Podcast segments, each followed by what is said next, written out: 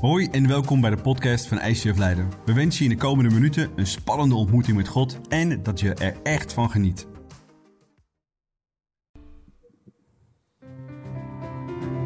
Hij werd veracht, door mensen gemeden. Hij was een man die het lijden kende en met ziekte vertrouwd was. Een man die zijn gelaat voor ons verborg en door ons verguisd werd en geminacht. Maar hij was het die onze ziekte droeg, die ons lijden op zich nam. Wij echter zagen hem als een verstoteling, door God geslagen en vernederd. Om onze zonde werd hij doorboord, om onze wandaden gebroken. De straf die hij onderging, bracht ons vrede. Zijn striemen gaven ons genezing. Wij dwaalden als schapen, ieder zocht zijn eigen weg, maar de wandaden van ons allen liet de Heer op hem neerkomen. Hij werd mishandeld, maar verzette zich niet en deed zijn mond niet open. Als een schaap dat naar de slacht wordt geleid. Als een ooi stil is bij haar scheerders, deed hij zijn mond niet open. Door een onrechtvaardig vonnis werd hij weggenomen. Wie van zijn tijdgenoten heeft er oog voor gehad? Hij werd verbannen uit het land der levenden. Om de zonde van mijn volk werd hij geslagen. Hij kreeg een graf bij misdadigers. Zijn laatste rustplaats was bij de rijken. Toch had hij nooit enig onrecht gedaan. Nooit bedriegelijke taal gesproken. Maar de Heer wilde hem breken. Hij maakte hem ziek. Hij offerde zijn leven voor de schuld van anderen. Om zijn nageslacht te zien en lang te leven. En door zijn toedoen slaagde wat de Heer wilde. Na het lijden dat hij moest doorstaan, zag hij het licht en werd met kennis verzadigd. Mijn rechtvaardige dienaar verschaft velen recht. Hij neemt hun wandaden op zich. Daarom ken ik hem een plaats toe onder velen. En zal hij met machtige delen in de buit. Omdat hij zijn leven prijsgaf aan de dood en zich tot de zondaars liet rekenen. Hij droeg echter de schuld van velen en nam het voor zondaars op.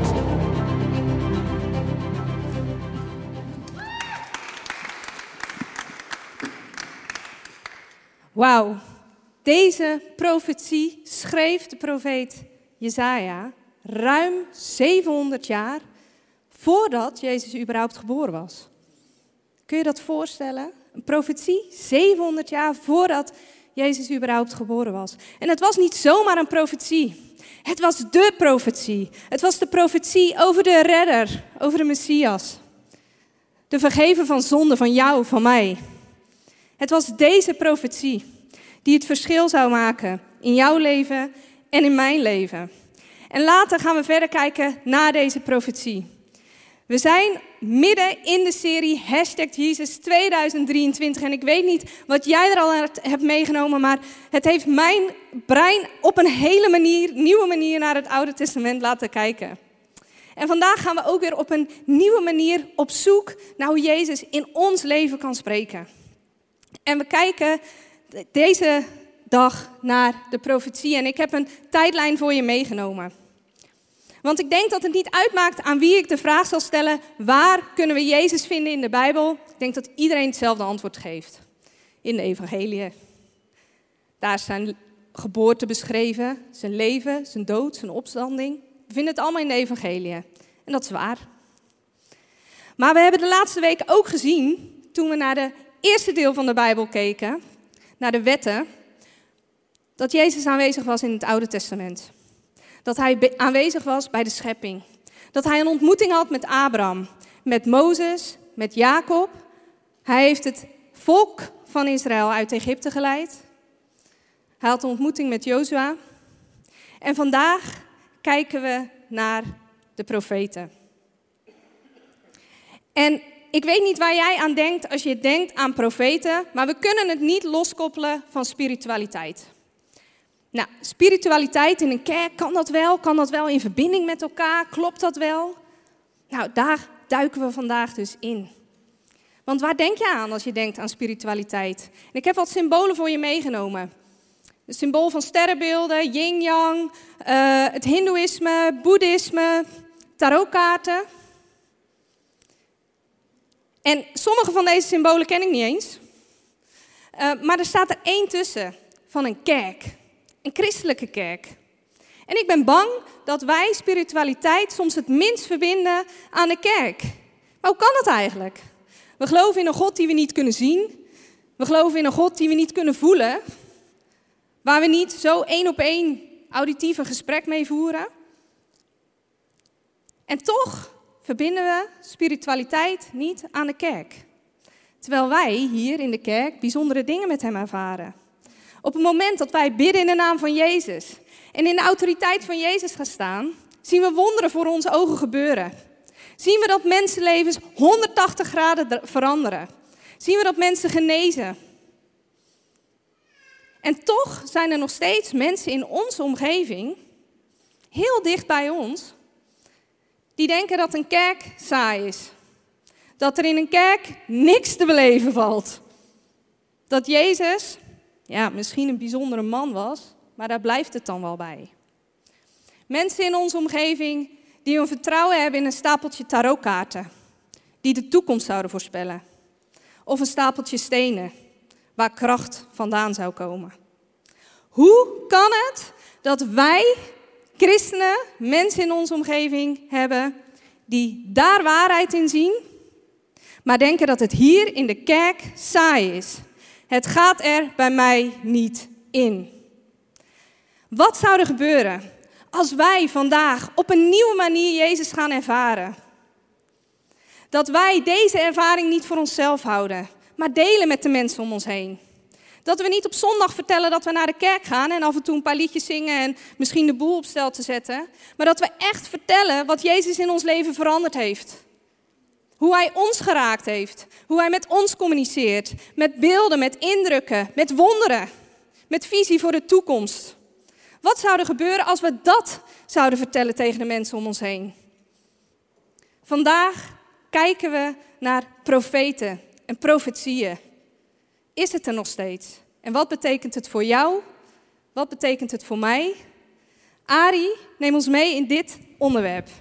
Ja, ik hoop terecht dat je een verlangen naar meer hebt. En als je in de wereld om ons heen kijkt, dan zie je vaak al die symbolen waarvan we denken, ja, dat is wat spiritualiteit is voor die mensen. Maar wat betekent dat dan voor ons als volgelingen van Jezus? Ik bedoel, als we echt gezegeld zijn met zijn geest, heilige geest, dan hebben we altijd toegang tot die fantastische God. En kan ons hij ook meenemen, nog veel meer dan dat, dan de wereld om ons heen. In datgene wat achter ons ligt, in wat er nu gebeurt, of wat God nog wilt gaan doen in jouw leven, of dat van andere mensen. En ja, natuurlijk kan de wereld uh, connectie zoeken met duistere machten. Dat is easy. Maar om een relatie met God te hebben, moeten er een aantal dingen gebeuren. En ik wil je meenemen in een aantal dingen. En profetie is niet meer en niet minder Gods perspectief zoeken in wat er in het verleden gebeurd is, wat hij nu aan het doen is, of wat hij nog gaat doen. En dat zijn eigenlijk twee soorten dingen. In de zichtbare dingen en in de onzichtbare dingen. Zijn er dingen voor ons onzichtbaar in de geestelijke wereld? Wel degelijk. Zijn er dingen in onze wereld die zichtbaar zijn, die God gemaakt heeft? Wel degelijk. Ik wil je stap voor stap meenemen dat het heel dichtbij komt vandaag over dat God door jou en met jou ook heel dichtbij je visioenen wilt geven, woorden wilt geven, beelden wilt geven, omdat het een God is voor relatie die elke dag weer met jou wilt spreken en met jou wilt wandelen. Ik neem je mee in een heel bijzonder vers uit Colossense en daar staat het volgende. Christus heeft ons laten zien, Jezus dus, wie God is en door hem heen werd God zichtbaar. Als je je ooit afgevraagd hebt, wie is God nou en wat is zijn karakter en wat is zijn hart en hoe groot is zijn liefde, hoef je alleen maar naar Jezus te kijken. Naar Jezus aan het kruis, Jezus met zijn discipelen, Jezus met mensen, genezen, zijn hart, zijn liefde, alles zie je daarin terug. En eigenlijk is Jezus een aanzichtkaart van wie God zelf is. Iemand wel eens een aanzichtkaart gehad? Ja, gebeurt bijna nooit meer dat je een ansichtkaart krijgt. Vanuit een verre orde, hè, vanuit Azië vandaan, waar iemand denkt... hey, het enige wat ik hier nog kan doen, er is geen internet... maar ik kan nog wel een kaartje sturen naar mijn familie in Nederland. Ze weten niet wat daar is, maar je hoeft maar een kaartje van een paar palmen... Oh, dat is het Verre Oosten. En dat is eigenlijk wat er met Jezus gebeurde. Hij laat zien in persoon en in karakter wie God werkelijk is. En als je afvraagt of God een liefde God is, kijk alleen maar naar het kruis. Ja, het is enerzijds walgelijk om te zien. Maar het is een God die zijn eigen zoon stuurt om de zonde en de schaamte en de ellende van ons weg te nemen en zoveel letterlijk van ons houdt. Maar het vers gaat verder. Met Christus, met Jezus, is de schepping dus begonnen. Dat is wat we de afgelopen weken gezien hebben. God heeft Christus alles laten maken. Wie maakte de wereld? Staat hier Jezus zelf. Alles in de hemel. Nu komt hij. Paulus heeft het over drie soorten hemelen. Wel eens opgelet? Paulus heeft het in een Bijbelboek ergens over de derde hemel. En de Joodse rabbies wisten als geen ander dat er drie hemelen waren. De derde hemel, voor ons onzichtbaar, waar God woont. Maar er is ook een tweede hemel, komen we zo op. Het vers gaat verder. Alles op aarde, het zichtbare en het onzichtbare, ja zelfs de hemelse machten en krachten, alles is door Jezus gemaakt en bestaat om hem wat? Te dienen. Dat is zo fantastisch om te zien. Wat we dus zien, God maakte dus niet alleen de derde hemel waar hij zelf met al zijn engelen verblijft, maar ook de tweede hemel. De tweede hemel in de tijd van de Jodendom wist iedereen dat zijn de sterren die we ook vandaag nog kunnen zien, toch? Maar er is ook een eerste hemel. En dat is onze heerlijke, mooie, blauwe lucht waar we elke dag onder lopen. Met natuurlijk de aarde om ons heen. En God maakte Adam en Eva en elke dag hadden ze letterlijk toegang tot God. Sterker nog, ze wandelden met God. We lezen in het volgende vers in Hebreeën. De hemel en de aarde zijn ontstaan door de woorden van God, oftewel van Jezus. Alles wat we zien is dus ontstaan uit iets wat we niet kunnen zien. God was er al, Jezus was er al, Heilige Geest was er al. En dat wat er was, creëerde de hemel, de tweede hemel en de eerste hemel. Dat begrijpen we alleen als je gelooft, want dan laat God het zien, letterlijk dat is wat er gebeurt. Oké, Adam en Eva hadden dus direct een open lijn met God. Hoe fantastisch is dat? Maar we weten allemaal dat het ergens spaak liep. wat liep er spaak? Precies, de boze kwam, verleidde ze om van die verboden vrucht te eten. En vanaf dat ze deden, was het game over met onze relatie met God. Want ze deden niet wat God vroeg. En zijn we niet allemaal ergens schuldig aan het feit dat we ergens niet doen wat God van ons vraagt en liever doen wat we zelf willen doen? En vanaf dat moment was de verbinding met God verbroken. En vanaf dat moment lees je ook en zie je ook in het Oude Testament dat het vaak koningen, priesters en profeten waren die de Heilige Geest over zich kregen gezalfd met olie als symbool dat de geest van God over ze was. En dus letterlijk een inkijkje weer krijgen in het onzichtbare. En God met name profeten liet zien wat er moest gebeuren. En dat moesten ze vaak weer aan koningen vertellen. Daarom waren ze ook vaak zwaar depressief, want dat was niet altijd goed nieuws. Dat is waar we stonden. En toen kwam Jezus. De relatie met God was verbroken. Maar Gods hart is en blijft altijd. Ik wil een relatie met mensen. En Jezus, door middel van het kruis, herstelde die relatie. Was een brug letterlijk vanuit onze wereld met die van de onzichtbare derde hemel. Het koninkrijk van God. Hoe fantastisch is dat? Laten we Jezus daar een ongelooflijk groot applaus voor geven. En we kunnen dus ook alleen maar weer in contact komen met God als we Jezus in ons hart sluiten. En hoe fantastisch is het als we straks weer Pinksteren vieren. En het feit dat de Heilige Geest op aarde kwam om niet alleen over ons te wonen in het Oude Testament, maar zelfs in ons te wonen. Is dat niet amazing?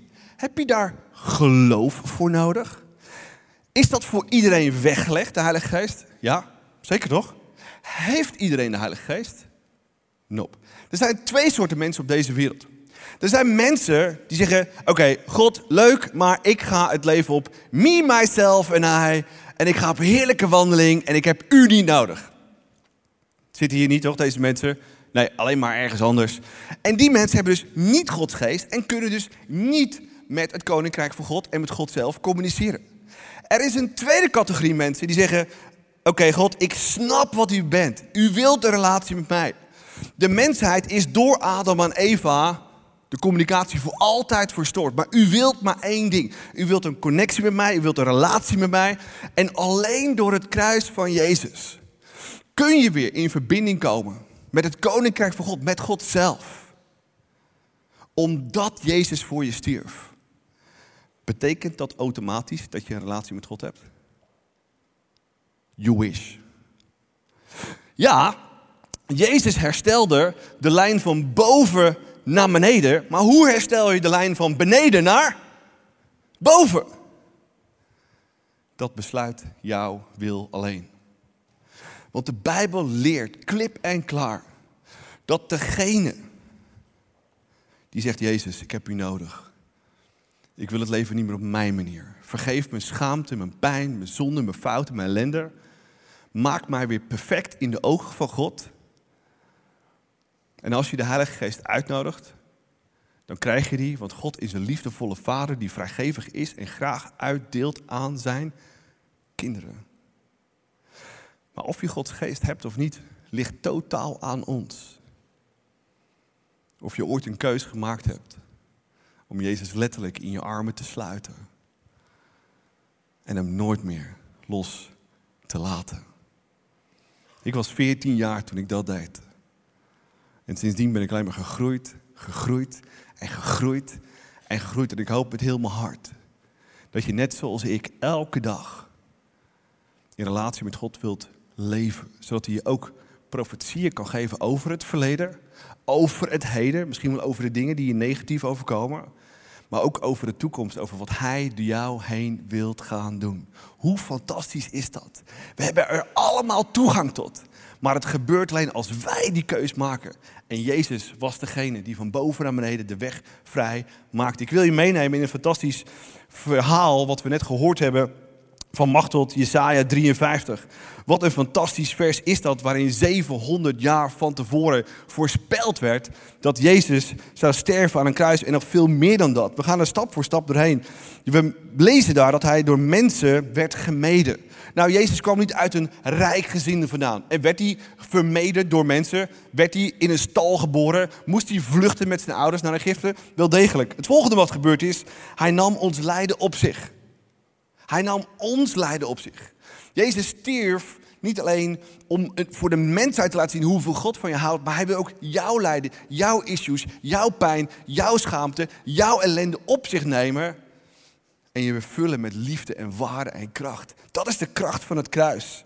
Hij werd doorboord. Nou, je moet je voorstellen dat in de tijd van Jezus, toen de Romeinen overheersten, was een kruisiging aan het kruis, of een dood aan het kruis, normaalste zaak van de wereld. Maar niet 700 jaar daarvoor. Dus toen Jezaja deze profetie had en zei, hey, er zal een man komen waarvan alle Joden wisten, er komt ooit een Messias, een redder. En dat hij zei, hij zal doorboord worden. Iedereen dacht, waarvoor dan? Omdat een kruisdood in die tijd, die was er nog niet. De kruisdood was door de Romeinen zelf bedacht en was in die tijd totaal nat dan. Hij verzette zich niet. Verzette zich Jezus aan het kruis? Nee, hij wist wat er moest gebeuren, want zijn vader had hem dat verteld. Hij kreeg ook een graf. En dit detail slaan we vrij snel over. Als iemand in die tijd aan een Romeins kruis doodging, weet je wat er daarna gebeurde als hij eraf ging? Op de vuilnisbelt. Ontbindt vanzelf. Of opgevreten door de kraaien. Niets meer en niet minder. Ja, die tijd was gruwelijk in de Romeinen. En de Romeinen waren ook gruwelijk. En dat Jezus een graf kreeg van een rijke man. Die een graf voor zichzelf had laten uithouden in een, in een grot. En hem weggaf aan Jezus. Was voorspeld 700 jaar voordat Jezus überhaupt geboren werd. Hoe fantastisch is dat? Het volgende punt is dat wij hem zijn, dat wij Gods kinderen zijn. Nou, voor de Joden was dat een heel gek verhaal. Kunnen wij kinderen van Jezus zijn? Nee, we kunnen alleen maar kinderen van Jezus zijn door zijn dood. Want als we Jezus insluiten in ons hart en we zijn op dat moment, geven we ons leven, dan zijn we vanaf dat moment zonen en dochters van God. Maar als je dat niet gedaan hebt, kunnen we daar ook niet van spreken. Het volgende gedachte is, hij droeg onze schuld. En misschien vraag je nog steeds af, Ari, waar in de hemelsnaam is dat kruis nou goed voor? Als ik God was, dan is dat een beetje een gek verhaal. Dat ik mijn zoon laat kruisigen, dan moet je toch een hele goede reden hebben. En die reden hebben we net eigenlijk al gezien. Net zoals Adam en Eva willen wij vaak onze eigen weg gaan. Op onze eigen manier. Wanneer hebben we God het hardst nodig? Nou, als die shit hits the fan. Als we alles zelf geprobeerd hebben en het echt, echt, echt, echt niet anders kan dat we God nodig hebben, dan pas zeggen we: Oké dan, God, wat heeft u mij te vertellen? En precies dat is wat God pijn doet. Ik ben een vader van drie fantastische dochters. En mijn hart gaat sneller kloppen, met name van de oudste die nu 12 zit en het voortgezet onderwijs. Pap, wil je me even helpen? Oh. Oh, ze heeft me nodig. Woehoe! Amazing. En precies dat beeld is wat we voor ons moeten. Als je als eerste God vraagt, ik heb je nodig, dat raakt Gods hart. Weet je wat Gods hart echt pijn doet? Als zijn kinderen het zelf proberen, het zelf proberen, het moeilijker en zelf proberen, pijn, verdriet, ellende. Ken je dat? Dat is meegemaakt? Pijn, verdriet, ellende, omdat het allemaal zelf proberen. Als je naar God toe gaat, raakt dat zijn hart. En net zoals Adam en Eva, waar we uit voortkomen, is de relatie met God verstoord. We kunnen alleen maar in relatie met God komen als we perfect zijn. Wie is hier perfect? Oh, niemand dit keer. Oh my gosh. En we worden alleen maar perfect in Gods ogen. Omdat Jezus voor ons stierf. En zegt, Jezus, dank u wel. Ik heb u nodig. Ik ga het niet meer op mijn manier doen het leven, maar alleen maar op uw manier doen. Ik wil groeien in uw leven, in uw woorden. En ervaren dat uw woorden letterlijk leven in overvloed geven. Dat is wat Jezus wil doen. En er staat nog een hele rits aan profetieën in het Nieuwe en het Oude Testament. Waarvan ik heel erg fantastisch zou vinden als je zelf in het woord van God duikt. Het zelf gaat lezen, het zelf voor je gaat zien. En het woord van God echt gaat leven. En deze week posten we het in Telegram, zodat je ze allemaal stuk voor stuk zelf kunt gaan opzoeken. Duiken in en ervaar de schatten van de Bijbel en van God in het Oude en het Nieuwe Testament.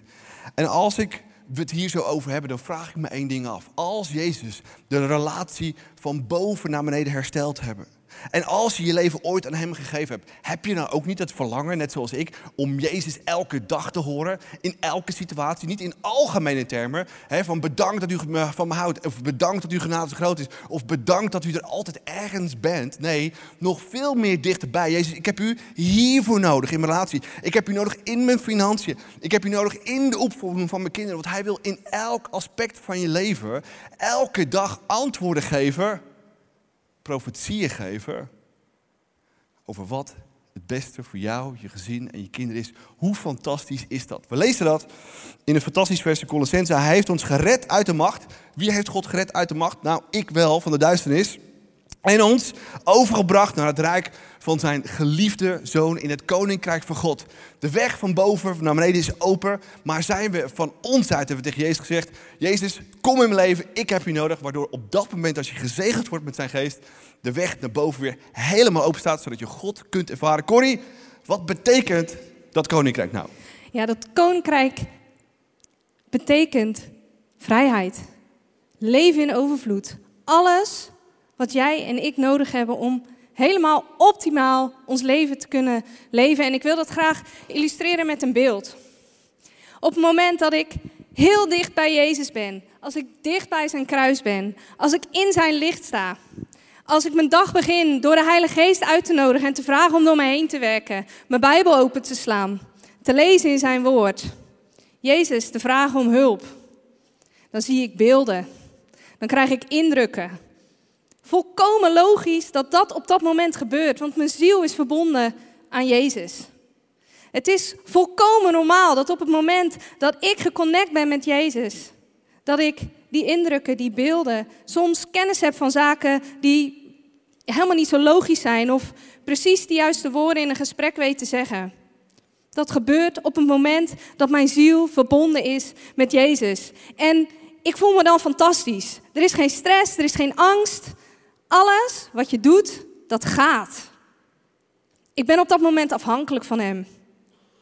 Volledig afhankelijk van Jezus, die door mij heen werkt. En daar is het fantastisch. En ik weet dat als jij Jezus kent, dat jij deze plek ook kent. Dan ben je hier ook geweest. Dan ben jij ook in zijn licht geweest. Dan is jouw ziel ook verbonden met dat van Hem. Maar ik ken ook perioden dat ik uit dat licht vandaan stap. Dat ik op mezelf vertrouw. En de afgelopen periode is voor mij zo'n periode geweest. Het afgelopen jaar is zo ontzettend veel veranderd. Het leven van mijn man en mij stond op zijn kop. Sommige hele mooie veranderingen, sommige veranderingen die pijn deden. Die pijn deden diep in onze identiteit. Veranderingen die we niet konden snappen. Pijn. En ik dacht met al die veranderingen dat ik het zelf op moest lossen. En ik bleef maar hangen, hangen, hangen, hangen, hangen. In mijn pijn, in het cirkeltje. En ik werd steeds banger. Ik ging steeds meer twijfelen. En mijn identiteit begon te schudden. Tot het moment dat ik dacht, ja, ik trek dit niet meer. Ik kan dit niet alleen. En ik heb iemand uitgenodigd uit deze kerk om samen te bidden. En we gingen in gebed. En Jezus was daar zo duidelijk. En hij liet mij zo duidelijk zien wat het probleem was. En het probleem was dat ik mezelf zo groot zag. En Jezus zo klein had gemaakt in mijn situatie. Pijnlijk om dat te zien.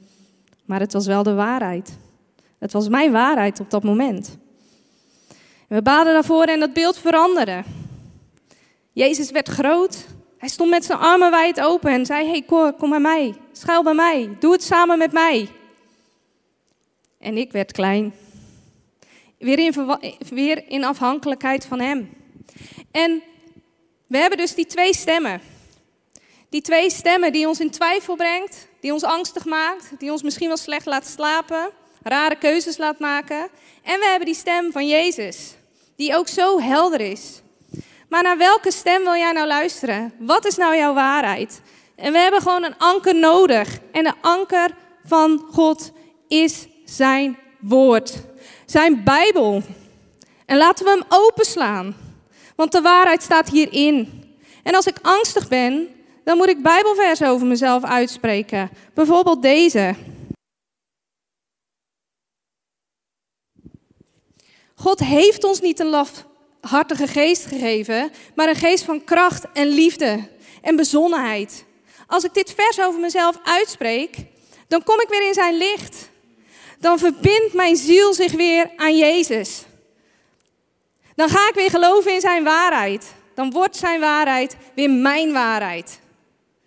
En op het moment dat ik dan weer zo aan het stoeien ben en zoveel van mezelf aan het verwachten ben, dan moet ik het volgende vers over me uitspreken. En dat is een pijnlijk vers, maar een belangrijk vers.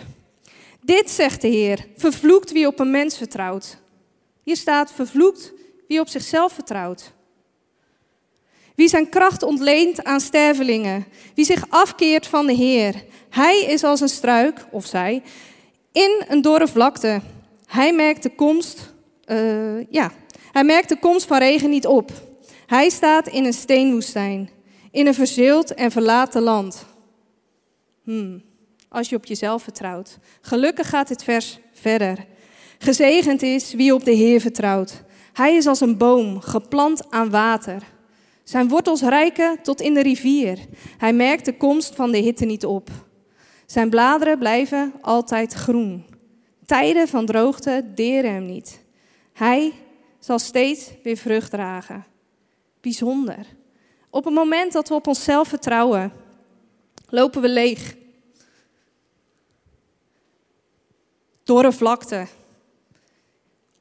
Een karig leven, een leeg leven. Maar op het moment dat we op God vertrouwen, dan ervaren we dat leven van overvloed. Dat volle leven. Zelfs moeilijkheden, stress, pijn, angst, het deert ons niet. We zullen altijd vrucht dragen. We zullen altijd vrucht dragen. Bedenk je hoe dat eruit ziet. Als jij vrucht draagt, kijk eens om je heen naar deze kerk. Wat gebeurt er op het moment als jij en ik vrucht dragen? Dan is deze kerk volgend jaar vol. Ja? Als wij vrucht dragen, is deze kerk volgend jaar vol. Laten we in onze Bijbel duiken. Laten we ontdekken wat Jezus door ons heen wil doen. Laten we ontdekken wat die profetieën voor ons betekenen. Laten we ontdekken hoe we die Bijbel kunnen gebruiken in ons leven. Ari, neem ons mee. Ja, en ik hoop van harte dat je een verlangen hebt naar meer. En als je ooit je leven in Jezus gegeven hebt en je, ziel is gezegeld met zijn Heilige Geest, dan hoop ik dat je ook die relatie met God elke dag wilt zoeken in het Koninkrijk van God. Zijn stem wilt horen, zijn gevoelens wilt ervaren en ook een totaal ander leven wilt gaan ervaren. Want precies dat is waarom Jezus voor jou stierf. Ik bedoel, hoe erg zou het zijn dat Jezus voor je stierf en je oude leven precies hetzelfde is als je leven met God. Dat zou verschrikkelijk zijn, toch? En ik hoop met heel mijn hart dat als je je leven aan Hem gegeven hebt en je hebt zijn Heilige Geest, dat je op twee dingen wilt varen. Het eerste is het woord van God. En dat is niet zomaar een boek. Zodra je het woord van God openslaat en je hebt zijn Heilige Geest, dan gaat God spreken. Door zijn woord van God. Ja, maar het is een dik boek. Dat is ons probleem. Weet je wat ons probleem is? Wij willen quick and easy. Ik wil hem openslaan. Oh, halleluja, praise the Lord. Oh, halleluja, praise the Lord. Wat hij vandaag moet zeggen. Woehoe! Nee, God wil dat je hem echt zoekt. Er zijn geen shortcuts in life.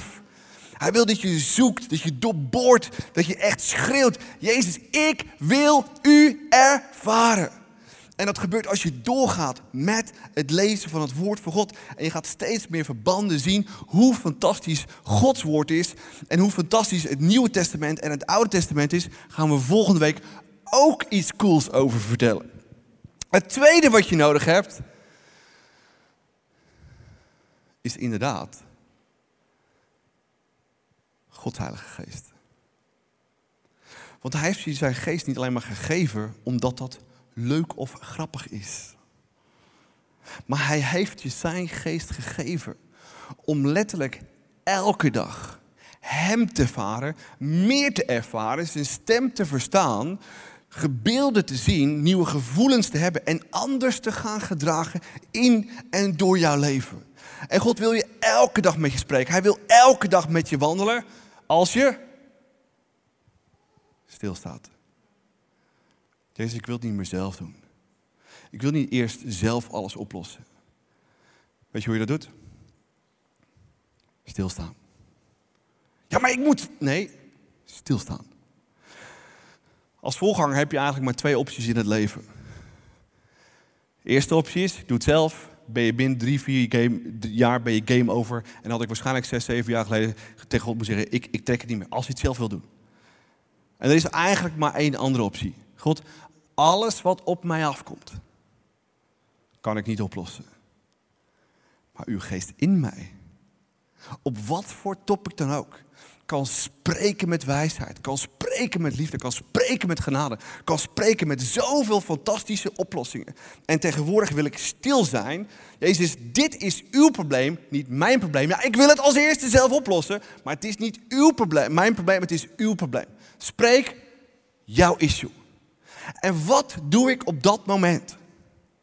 Ik verlaat mijn me, mezelf en en hoe fantastisch ik ben. En ik boor me in de derde hemel, het koninkrijk van God. En wat is er te vinden in het koninkrijk van God? Wie durft? Alles. Wat is alles? Alles. Wijsheid, inzicht, financiën, een nieuwe baan, alles. God is een God die vrijgevig is, die vrij wil weggeven, vrij wil weggeven aan de mensen die vragen en zoeken. We moeten stil zijn. Ja, ik ben ook super freaking awesome. Maar er zijn dingen in mijn leven die kan ik niet oplossen. En als Jezus door mij of onze kerk grootste dingen willen doen, gaat hij dat door onze werken doen? Of als we vertrouwen op Hem? Alleen maar als we vertrouwen op Hem. Wat heb je ervoor nodig? Geloof. Zo easy. Wat is easy? Is jezelf loslaten easy? Is volledig vertrouwen op God easy? Totaal niet. Weet je wat vaak het probleem is? Ons beeld van Jezus. Misschien, ik weet niet wat jou, vraag jezelf af, wat is jouw beeld van Jezus?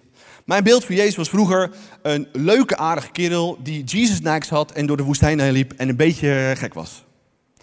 Jezaja had letterlijk een visioen van wie Jezus werkelijk was. Er waren maar twee mensen in de Bijbel die ergens dicht bij Jezus waren. Drie. Jezaja, Mozes op de berg en openbaring in Johannes. En Jezaja zegt het volgende. In het sterfjaar van koning Uzia zag ik de Heer gezeten op een hoog verheven troon. Amazing. Stel het je voor, hè. laat je beeld hier nu op dit moment veranderen. Want dit is de werkelijkheid en de waarheid. De zoom van zijn mantel, van Jezus dus, vulde de hele tempel. Woe! Boven hem stonden serafs. Elk van hen had zes vleugels. Twee om het gezicht en twee onder het onderlichaam te bedekken en twee om mee te vliegen. Zij riepen elkaar toe, heilig, heilig, heilig is de naam van de hemelse machten. Stel je voor, hè, een hele hemel vol. Miljarden engelen, nog groter als het grootste voetbalstadium hier in Europa. En dat hele stadium zegt heilig. Zie je het voor je? Ik wil ja of nee hoor. Heilig, heilig, heilig is de naam van Jezus. Heel de aarde is vervuld van zijn majesteit. Door het luide roepen schudden de deurpinnen in de dorpels en de tempel vulde zich met rook. Woe! Ik schreeuwde het uit. Oh, wat gebeurt er nu? Woehoe! Ik ben verloren, want ik ben een mens van onreine lippen en ik leef te midden van een volk met onreine lippen.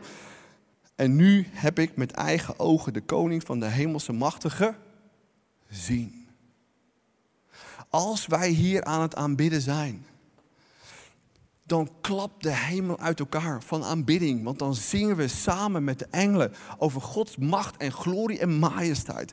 Die zo groot is, die zo heftig is, dat we Jezus op deze aarde niet in zijn volledige majesteit kunnen zien. Ander woord is een onverheerlijk lichaam. Want als we hem in zijn verheerlijk lichaam zouden zien, weggeblazen.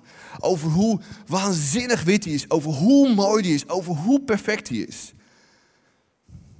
Dat is de God waarin ik geloof. Want dat is de God die mijn problemen, mijn issues en alles wat ik hem nodig heb, kan tackelen in mijn leven. En daar heb ik indrukken, daar heb ik beelden, daar heb ik richting voor nodig om die dingen in mijn leven op te lossen. Weet je wat het me teruggeeft? Rust en vrede. Wie wil dat niet? We zoeken het in duizend dingen, maar de enige weg, de enige waarheid is Jezus, na God, de Vader. En laten we kijken in het laatste vers van vanochtend hoe belangrijk is. Johannes zag ook God. En hij zei dus over Jezaja, Jezaja doelde op Jezus toen hij dit zei, omdat hij zijn majesteit zag. Ik hoop met heel mijn hart dat je elke dag weer wilt inpluggen in het koninkrijk van God. En dat kun je. Als je je leven aan Jezus geeft en vraagt, Heilige Geest, kom in mijn leven. Verzegel mijn ziel. Geef me uw Heilige Geest. En laat me uw perspectief over de toekomst zien. Laat me uw perspectief over mezelf zien. En laat me uw perspectief over het verleden zien. Zodat ik alleen uw perspectief op en in mijn leven zie. Wie heeft er een verlangen naar meer vandaag? Ik heb een verlangen naar meer vandaag. Ik wil meer van Jezus. Ik wil meer zijn perspectief op mijn leven. Op mijn roeping. Ik wil meer perspectief op mijn vrouw en haar roeping. Ik wil meer perspectief op mijn kinderen. En wat God, waarom God hun gemaakt heeft met hun karakter. En wat voor gave talent hij hen gegeven heeft. En wat hij door hun heen... Jezus, ik wil het zien. Willen jullie het zien? Ik wil het zien. Ik wil het ervaren. Ik wil wandelen met Jezus. En ervaren hoe groot zijn liefde is. En wat hij door jou en mij heen kan doen. Maar het gebeurt pas als mijn wil zegt, Jezus, ik heb u nodig. Meer dan ooit tevoren. Eenmalig om je leven aan Hem te geven. En elke dag, de hele dag door, de rest van je leven. Want wat Hij voor je ziet, is goed. Uitdagend. Je hebt er moed voor nodig. Maar het is het beste leven wat je ooit kan overkomen. Jezus zei in zijn eigen woorden: Ik ben de weg, de waarheid en het leven. En Jezus stierf zijn dood aan een kruis. Op een zo'n heftige manier. Om jou en mij voor altijd en eeuwig te overtuigen. Ik hou van jou. En als je nog twijfelt aan het feit, twijfel niet langer. Jezus wil elke dag met je leven. Hij wil elke dag met je wandelen. Hij wil elke dag met je praten. En ik hoop met heel mijn hart dat je ooit je leven aan Hem gegeven hebt. Dat je gevraagd hebt, Heilige Geest, kom in mijn leven. Verzegel mij, zodat ik altijd een zoon of dochter van God Almachtig ben en blijf. Niemand die dat ooit nog afpakt. Maar weg tot de Vader. En vandaag hier zijn er twee soorten mensen, thuis of online of in de wereld. Mensen die het voortdurend op hun eigen manier willen doen. Of mensen die zeggen, Jezus, ik wil niet meer zonder, ik wil niet meer zelf.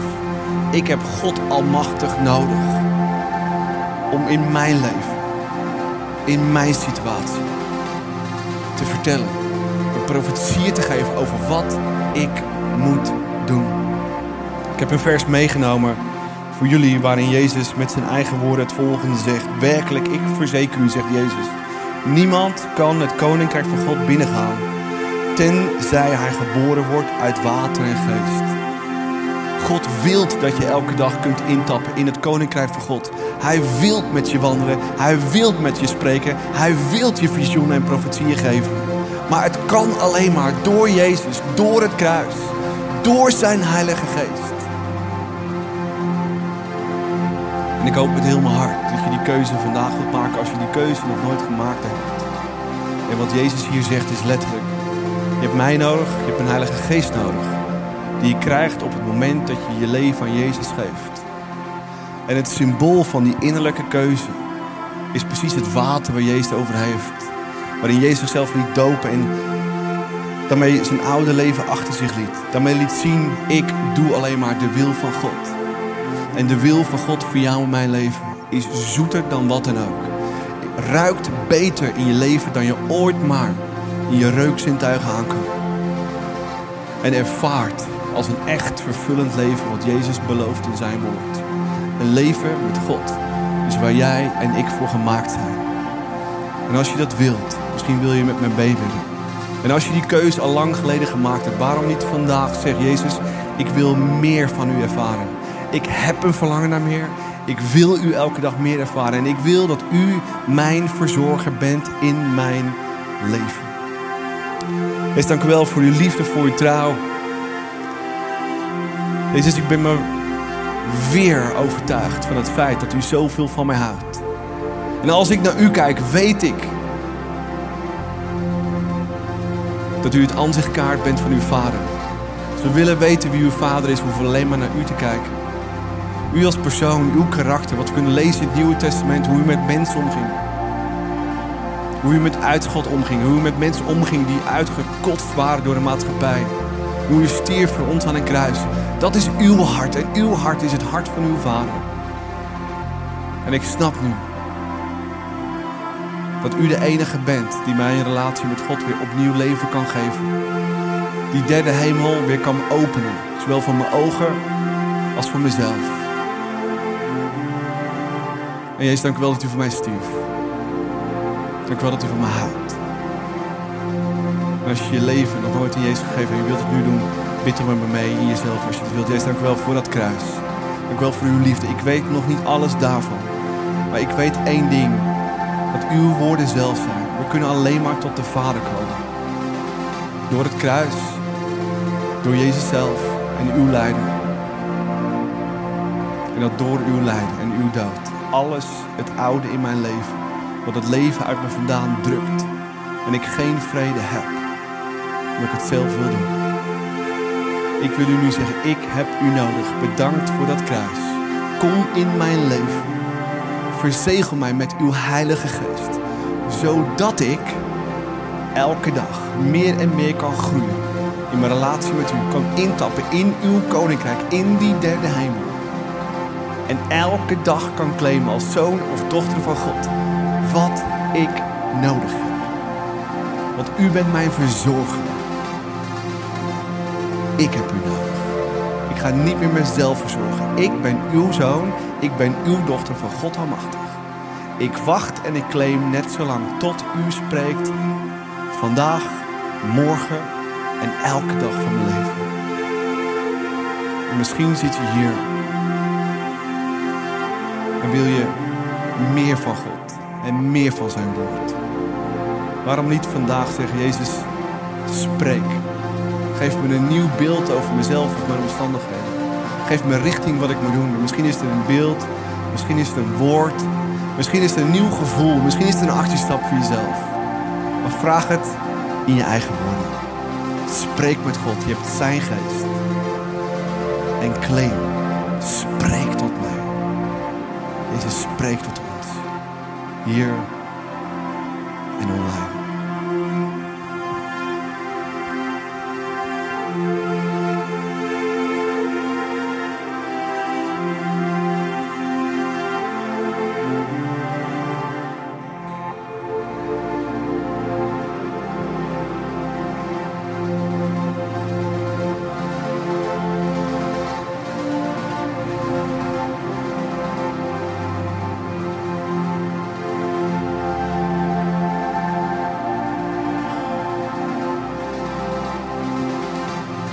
Dus dank u wel dat u elke dag tot ons wilt spreken. En dank u wel dat u ons elke dag uitnodigt en uitdaagt om stil te zijn. Uw woord te lezen waarin u ons dingen kunt highlighten met uw geest. En Heilige Geest, we vragen u ook vandaag om elke dag tot het spreken. En dat zult u zeker doen als we stil zijn. Want u bent een echte gentleman die alleen maar spreekt als wij vragen. Dank u wel voor wat u vanaf vandaag in mijn leven gaat doen. In Jezus' naam. Amen. Wij hopen dat deze podcast je heeft geïnspireerd en verder geholpen heeft in je relatie met God. Wanneer deze podcast je geraakt heeft en je de inhoud ervan wilt helpen verspreiden, deel dan deze aflevering op jouw favoriete social media platform. Op deze manier horen meer mensen over Jezus en deze boodschap van hoop. Je kunt ons ook financieel ondersteunen, waardoor we een maximaal bereik krijgen op het internet en nog meer mensen nieuwe hoop krijgen. Bedankt voor alles wat jij mogelijk maakt. We geloven dat kerk een familie is, dus of je nu live erbij bent of online meeluistert, we willen jou graag persoonlijk leren kennen. Als we jou persoonlijk verder kunnen helpen, dan horen we dat graag. Check voor info en meer mogelijkheden op onze website. Fijne dag.